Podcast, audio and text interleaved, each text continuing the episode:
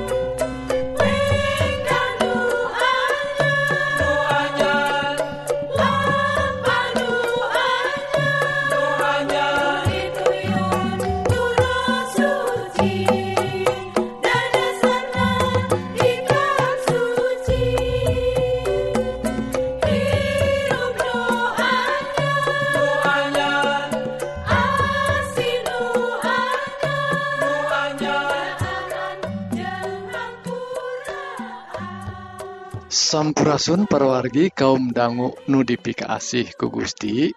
Rohang kasehatan dinten ieu judulna tujuh buah kanggo ngungkulan kolesterol. Naon wae perwargi tujuh buah kanggo ngungkulan kolesterol. Sareng naon atuh eh, kedah dibahas kanggo kolesterol sagala. Nah rupina zaman kiwari mah nyarioskeun kolesterol teh boh di kota gitu oge di kampung tos arah palen lantaran seerpisan jalmi kata rajangku panyawat anu disababkeun ku seerting kolesterol. Kunaon atau tiasa gitu Rupina jalmi-jalmi kiwari mah ku ayana tekenan hirup jantan stres. Gitu oke ditunjang pergi ku tuangan tuangan anu seerting seerting naon tah? Nya pola tuang anu seerteing lemaknya lemakna lemak-lemak tina eh, hewani. Tah kedah dikirangan perwagi malih mah teu tadi teu sawios. Da aya lemak-lemak anu tiasa di eh, ayakeun gitu. Nganggo bahan-bahan anu aya tina tutuwuhan. Cekap eta ge perwaginya Tah gitu oge lamun tos katarajang ku kolesterol anu tinggi tiasa diturunkan ku pola alami. Ieu nyata tuang tutuangan tina bubuahan. Tak iya buah tujuh buah nu tiasa nurunkan kolesterol. Daya efek sampingnya parogi da ieu mah bubuahan tuang biasa wae. Nu kahiji nyata cau mangrupakeun cau teh salah sihiji buah anu tiasa nurunkan kadar kolesterol anu tinggi. Tak jauh tiasa nurunkan kolesterol. Ku cara ngabersihkan saluran pangcernaan. Dugikeun ka kolesterol tenyumbat dei aliran darah dina arteri. Tah kanggo kesehatan pembuluh darah sarang jantung kedah nuang ieu cau unggal enjing parwargi anu kadua parwargi nyata stroberi Tah stroberi seueur ngandung nu disebat zat polifenol. Tah zat ieu teh senyawa nabati anu sacara alami tiasa ngabantos ngatur sistem pembuluh darah. Tah, panalungtikan parantos ngabuktikeun yen stroberi teh tiasa nurunkeun kolesterol sakaligus oge nurunkeun resiko panyawat jantung. Sae pisan parogi eh, kitu oge raos di tuangna oge di jus malih mah. Lajeng anu katilu parogi nyaeta tomat. Tomat ngagaduhan kakandungan potasium, vitamin A, gitu oge vitamin C anu sae kanggo awak urang. Buahna oge warnana cerah, nya beureum. Gitu eta teh ngandung antioksidan likopen. tasa nyawa ieu nyaeta likopen tos kabuktos tias anu e, signifikan pisan ya kaciri pisan tiasa nurunkeun kadar kolesterol jahat anu disebat LDLT tina getih urang. Tuh pergi buktos-buktos na tos ditalungtiknya anu kaopat parogi nyata apel apel teh ku ilmu pengatu, peng, uh, pengetahuan anu tos ngabuktos saurna tos eh, satuju oge yen nuang apel hiji apel sadinten tiasa ngajauhkan orang ti dokter. Hartina tekedah ka dokter kulantaran sehat. Tah memang panalungtikan parwargi tos ngabuktuskan lamun orang nuang hiji apel secara rutin unggal dinten tiasa nurunkan kadar kolesterol. Total. Nya kalah kadar kolesterol total tina getih. Tah lamun orang disarankeun kanggo nuang apel sareng ya, sareng kulitna paragi kena dibersihan heula tapi nya tak kulit buah apel teh ngandung senyawa sae nya senyawa antioksidan fenolik. Anu tiasa ngalancarkeun pangcernaan getih urang. Saya pisannya paroginya ah, lajeng ayeuna nu kalima parogi nu kalima nyaeta alpukat alpukat teh seueur pisan. Kakandungan lemak sareng serat anu teu jenuh. Ah, sar serat tak jenuh ya. Anu tiasa nyehatkeun jantung urang. Tah lamun nuang buah alpukat ah, tiasa ngabantos ngirangan resiko panyawat jantung atau stroke.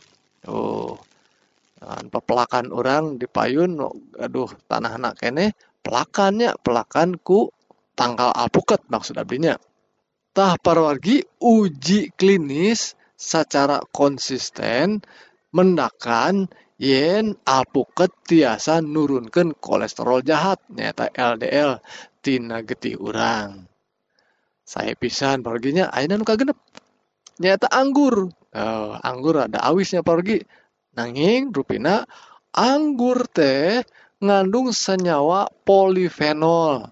Senyawa iya tiasa ngirangan eh, ngurangan karusakan sel.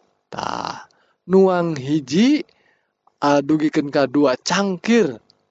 Anggur pergi tiasa ngomean jaringan pembuluh darah kita oge ngurangan peradangan pergi lajeng e, buah anggur itu tiasa oge ngabantos ningkatkan kadar kolesterol anu HD nyata HDL lajeng nurunkan kadar kolesterol jahat LDL tea tina getih urang. Lajeng anu pamungkas parogi nuka tujuh nyata lemon. Lemon teh ngandung pektin gitu oge bioflavonoid. Eh, e, sarang asam sitrat vitamin A B hiji B2 C sarang serat serat ta nutrisi kakandungan nutrisi tina lemon tiasa nurunkeun kadar kolesterol tinggi. Ya. Tiasa oge ngungkulan radang tenggorokan ya. Tiasa oge eh, ngungkulan panyawat flu sariawan dugikeun ka eh, demam. Panas awak urangnya gitu oge cara konsumsi lemon kanggo kesehatan gampil pisan ya. Eh, urang cukup ngaleut caina dina campuran persan lemon anu seger. Tah sakitu parogi tujuh bubuahan anu sae kanggo ngungkulan panyawat ku ayanak seueur teuing kolesterol. Mugi-mugi ieu rohang kesehatan jantan berkah kanggo kesehatan urang sadaya. Amin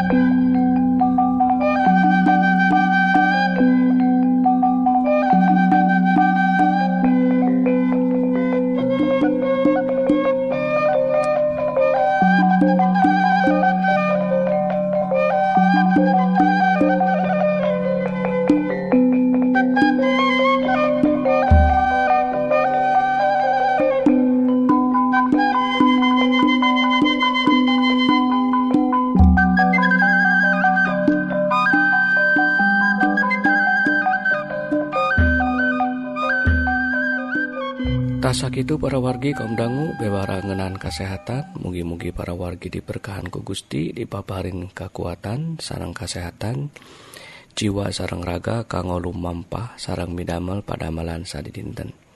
Sekali deui upami para wargi ngaros diberkahan atanapi aya patarosan.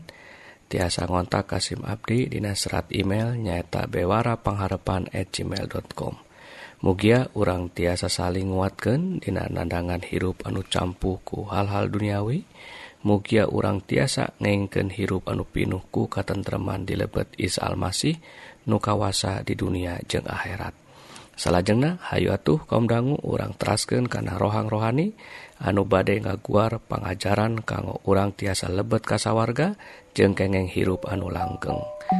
Anu ungelna tina kitab suci Suma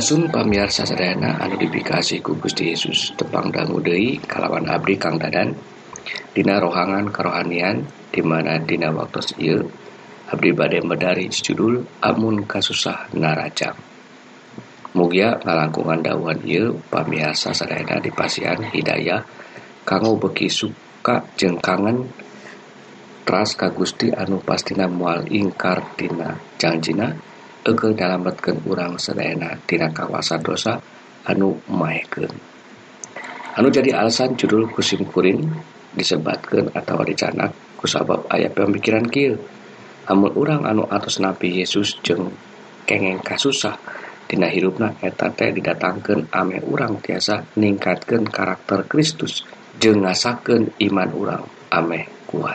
Ia jadi alasan ia jadi ulas siun jeung ulah mundur. Kusabab kasusah ieu sabab aya istilah naon bedana cenah?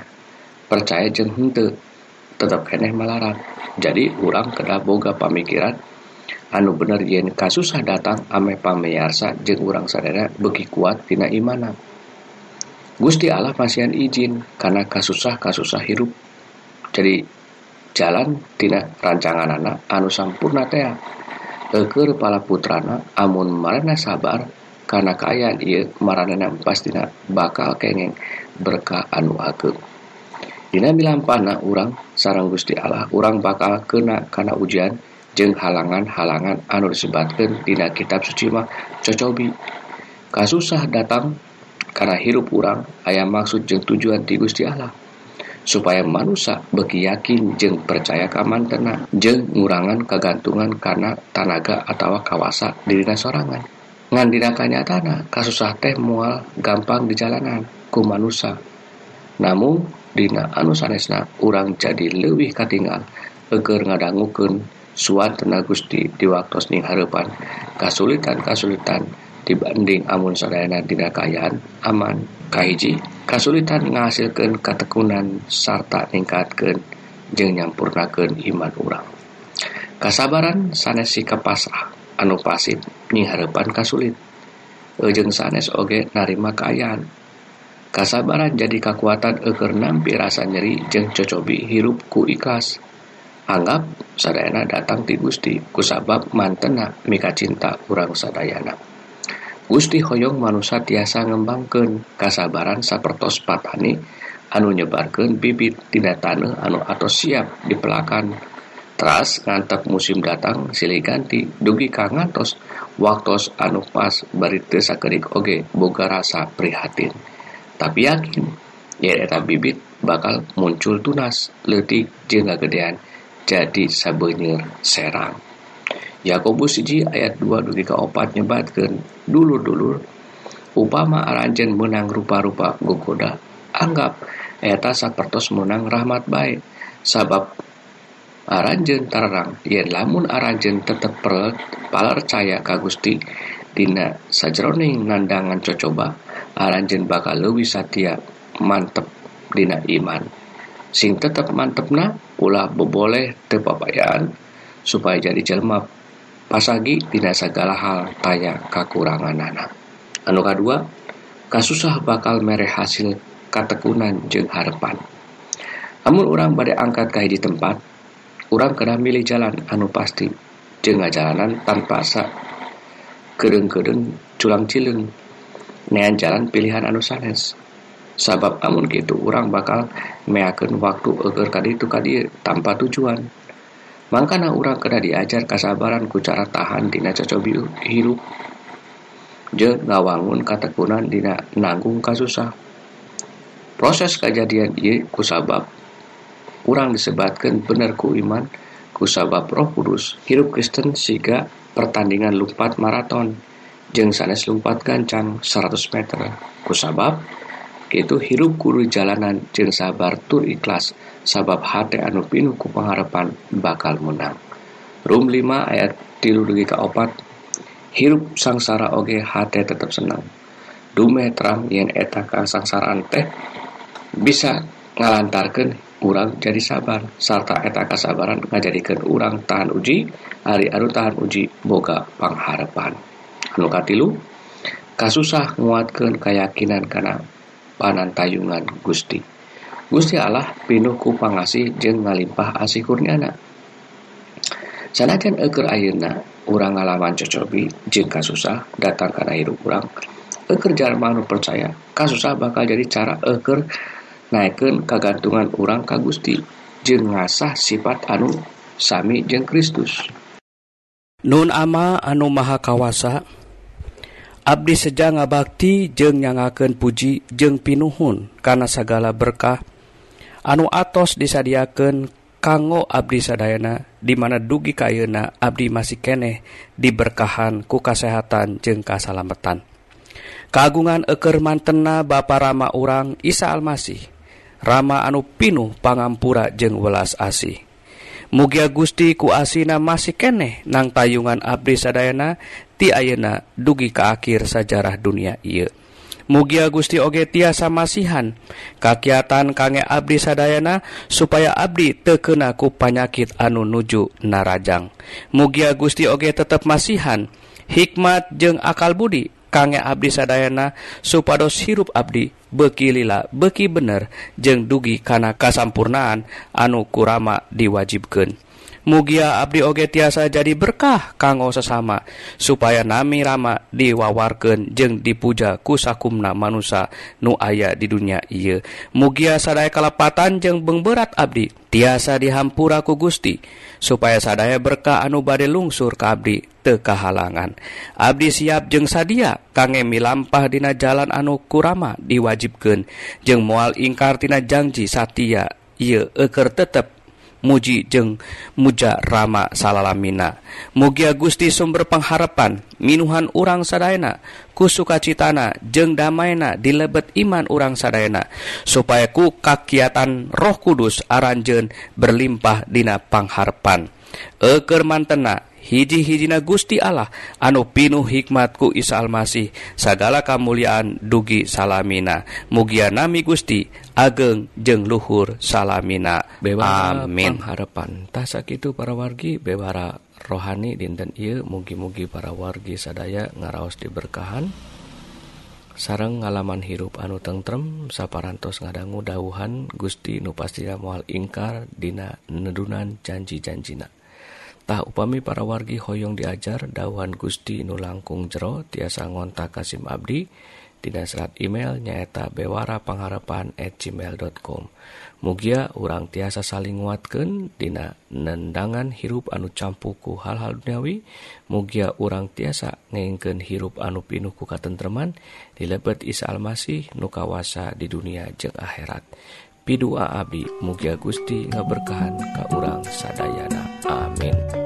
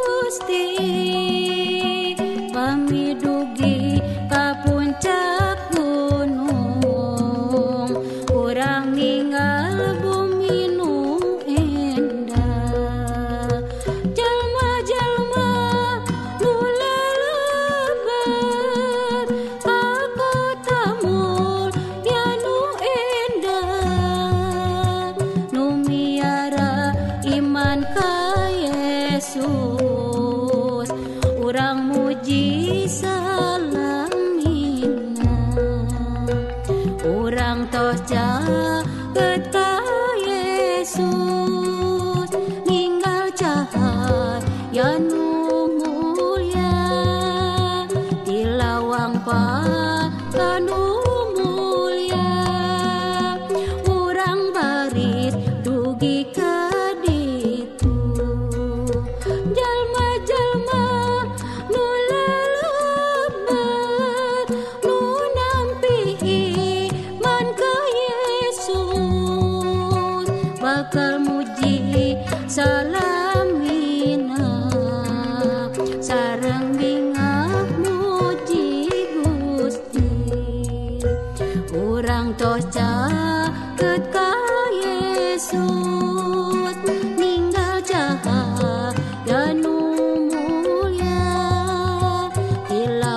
哇